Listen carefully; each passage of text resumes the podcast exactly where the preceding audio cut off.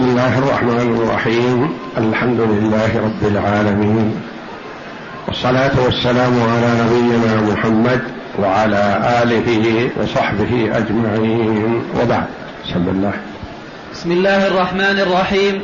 الحمد لله رب العالمين. والصلاة والسلام على أشرف الأنبياء والمرسلين نبينا محمد عليه وعلى آله أفضل الصلاة وأتم التسليم. قال المصنف رحمه الله تعالى فصل وإن وصى لحمل امرأة فولدت ذكرا أو أنثى فهما سواء لأنه عطية فاستوى فيها الذكر والأنثى كالهبة. قول المؤلف رحمه الله تعالى فصل وإن وصى لحمل امرأة هذا الفصل أحد فصول باب الموصى له. باب الموصى له يعني الذي له الوصية تعطى له الوصية. وهم أنواع. قال فصل وإن وصى لحمل امرأة. تقدم لنا إن وصى لأقاربه. وإن وصى للغلمان أو للشباب أو للكهول أو كذا كل هذا مضى. وإن وصى لحمل امرأة. مثلا قال حمل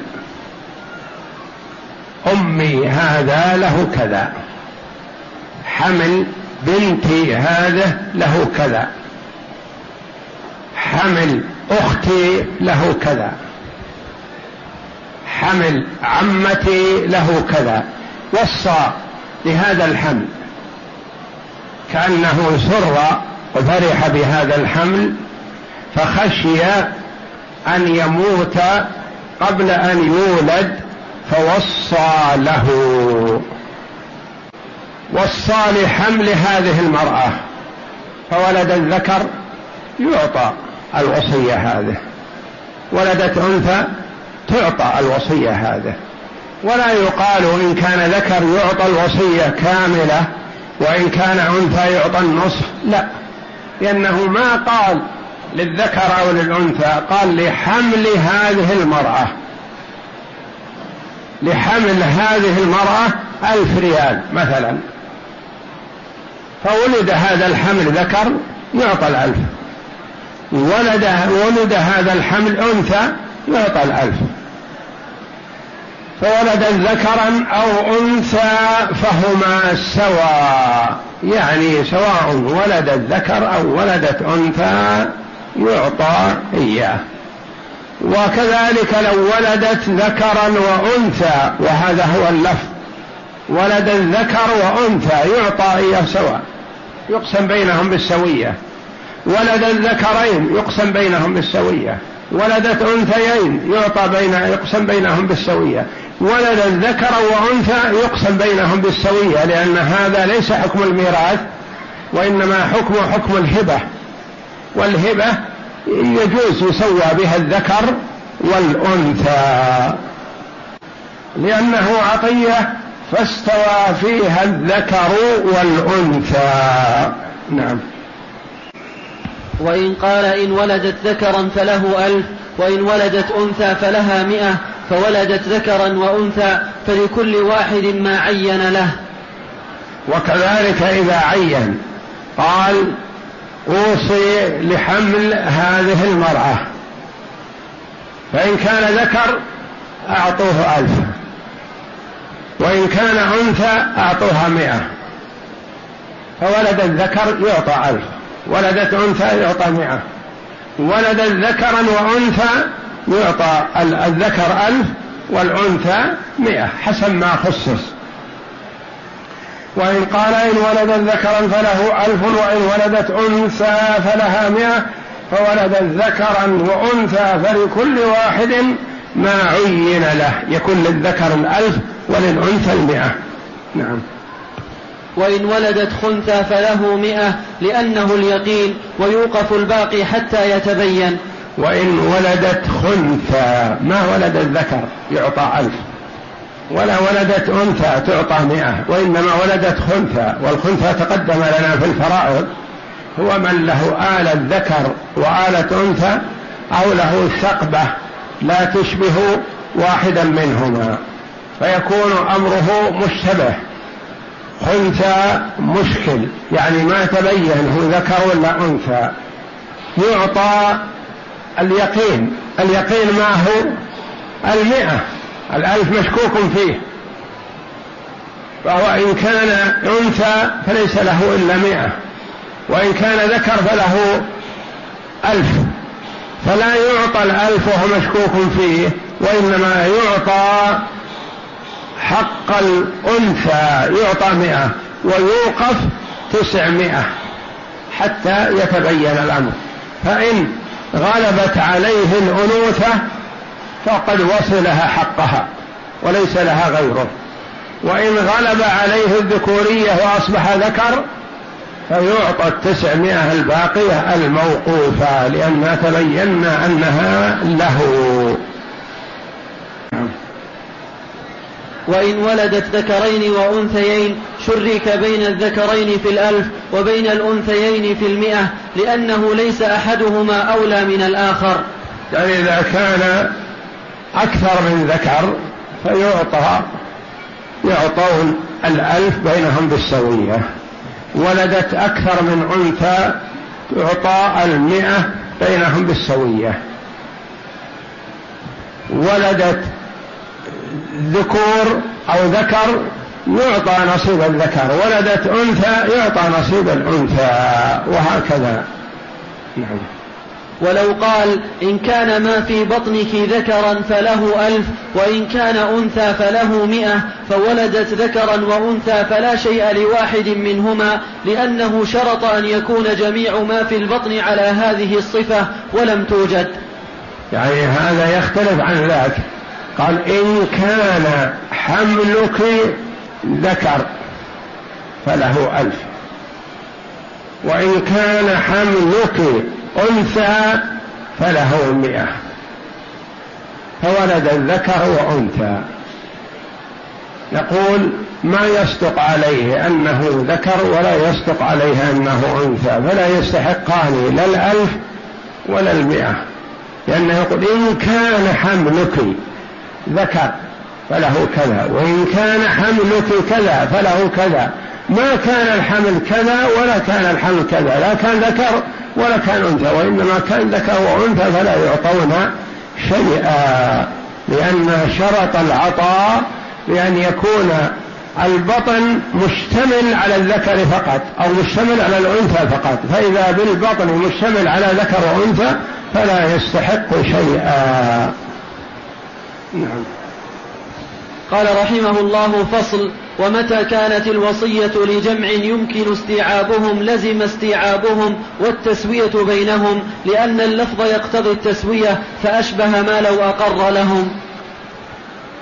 إذا كانت الوصية لجمع يعني ما وصى لزيد أو لعمر أو لعمته أو لخالته أو لأخته لفرد وصى لجمع. قال إذا مت فسلموا أولاد علي كذا وكذا. أولاد علي معروفون. ثلاثة أو أربعة أو خمسة معروفون؟ هذه حال. إذا قال إذا مت فسلموا بني تميم. عشرة آلاف. هذه حال أخرى. لأنه قال بني علي أو أولاد علي مثلا محصورون معروفون. وإذا قال بني تميم فبني تميم لا يحصون فإذا وصى لأناس يمكن استيعابهم. قال أعطوا كل ولد ينتسب إلى أبي. من جهة الأب أو من جهة الأم. أو كل ولد ينتسب إلى جدي من جهة الأب أو من جهة الأم. هؤلاء محصورون. يمكن. فيجب استيعابهم ويسوى بينهم. وإذا قال سلموا بني هاشم بني تميم أهل الطائف أهل مكة أهل كذا بلد أو قبيلة ما يمكن استيعابهم فهذا سيأتي. فما يمكن حصرهم يجب أن يعطون كلهم ويسوى بينهم. نعم. وإن لم يمكن استيعابهم صحت الوصية لهم وجاز الاقتصار على واحد. لأنه لما أوصى لهم عالما بتعذر استيعابهم علم أنه لم يرد ذلك. إنما أراد ألا يتجاوزهم بالوصية ويحصل ذلك بالدفع إلى واحد منهم. هذا إذا لم يمكن استيعابهم قال أعطوا بني هاشم من ثلث مئة ألف ريال. أعطوا أهل مكة من ثلث مئة ألف ريال مثلا. فهؤلاء ما يمكن استيعابهم. لا يمكن استيعاب بني هاشم ولا يمكن استيعاب أهل مكة كلهم. فحينئذ يعطى لبعضهم ولا يلزم استيعابهم. هل يكفي واحد؟ نعم يكفي واحد. وقيل ما يكفي واحد بل لابد أقل الجمع ثلاثة. يعني يعطى لثلاثة.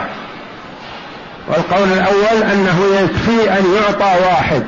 ولا يلزم استيعابهم ولا يلزم التسوية بينهم. مثلا لو اختار من أهل مكة أو من بني هاشم مثلا عشرة يجوز أن يعطي هذا ألف ويعطي هذا مئة ويعطي هذا خمسمائة ويعطي هذا عشرة آلاف وهكذا.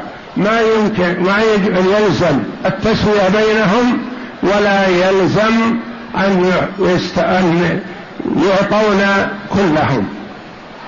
فإذا كانوا جمع كثير ما يمكن استيعابهم فيجوز الاقتصار على بعضهم.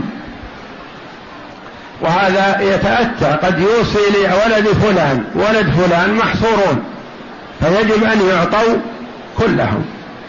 إذا قال مثلا أعطوا بني هاشم بني هاشم ما يحصون بني تميم أعطوا أهل الطائف أهل مكة أهل جدة كذا. هؤلاء ما يمكن حصرهم بهذا الثلث. فلا يلزم تسوية بينهم ولا يلزم استيعابهم. نعم. وإن وإن لم يكن يمكن استيعابهم وإن لم يمكن استيعابهم صحت الوصية لهم. يعني صح لو وصى لبني هاشم وصى لبني كذا من قبائل العرب لا بأس. لبلد كذا لكل قادم من بلد كذا ونحو ذلك. نعم. وجاز الاقتصار على واحد لأنه لما أوصى لهم عالما بتعذر استيعابهم علم أنه لم يرد ذلك. إنما أراد ألا يتجاوزهم بالوصية ويحصل ذلك بالدفع إلى واحد منهم. ويحتمل ألا يجزئ الدفع إلا إلى أقل من ثلاثة بناء على قولنا في الزكاة. يعني أن أقل الجمع الثلاثة فلا فلا يكفي الاقتصار على واحد. ولا على اثنين وإنما يكون على ثلاثة فأكثر. نعم. ويجوز تفضيل بعضهم على بعض لأن يجوز يعطي هذا ألف وهذا خمسمائة وهذا مئة وهذا عشرة آلاف وهذا كذا على حسب نظر المعطي إذا لم يحدد المبلغ. نعم. لأن من جاز حرمانه جاز تفضيل غيره عليه سواء كانت الوصية لقبيلة أو أهل بلدة أو لموصوفين بصفة كالمساكين. قال أعطوا الفقراء من ثلث ألف ريال. أعطوا المساكين من ثلث ألف ريال. أعطوا طلبة العلم من ثلث ألف ريال مثلا. هذه محدد صفة. أو قال أعطوا أهل مكة من ثلث كذا. هذا محدد بلد. أعطوا بني هاشم أعطوا بني تميم. هذا قبيلة وهكذا.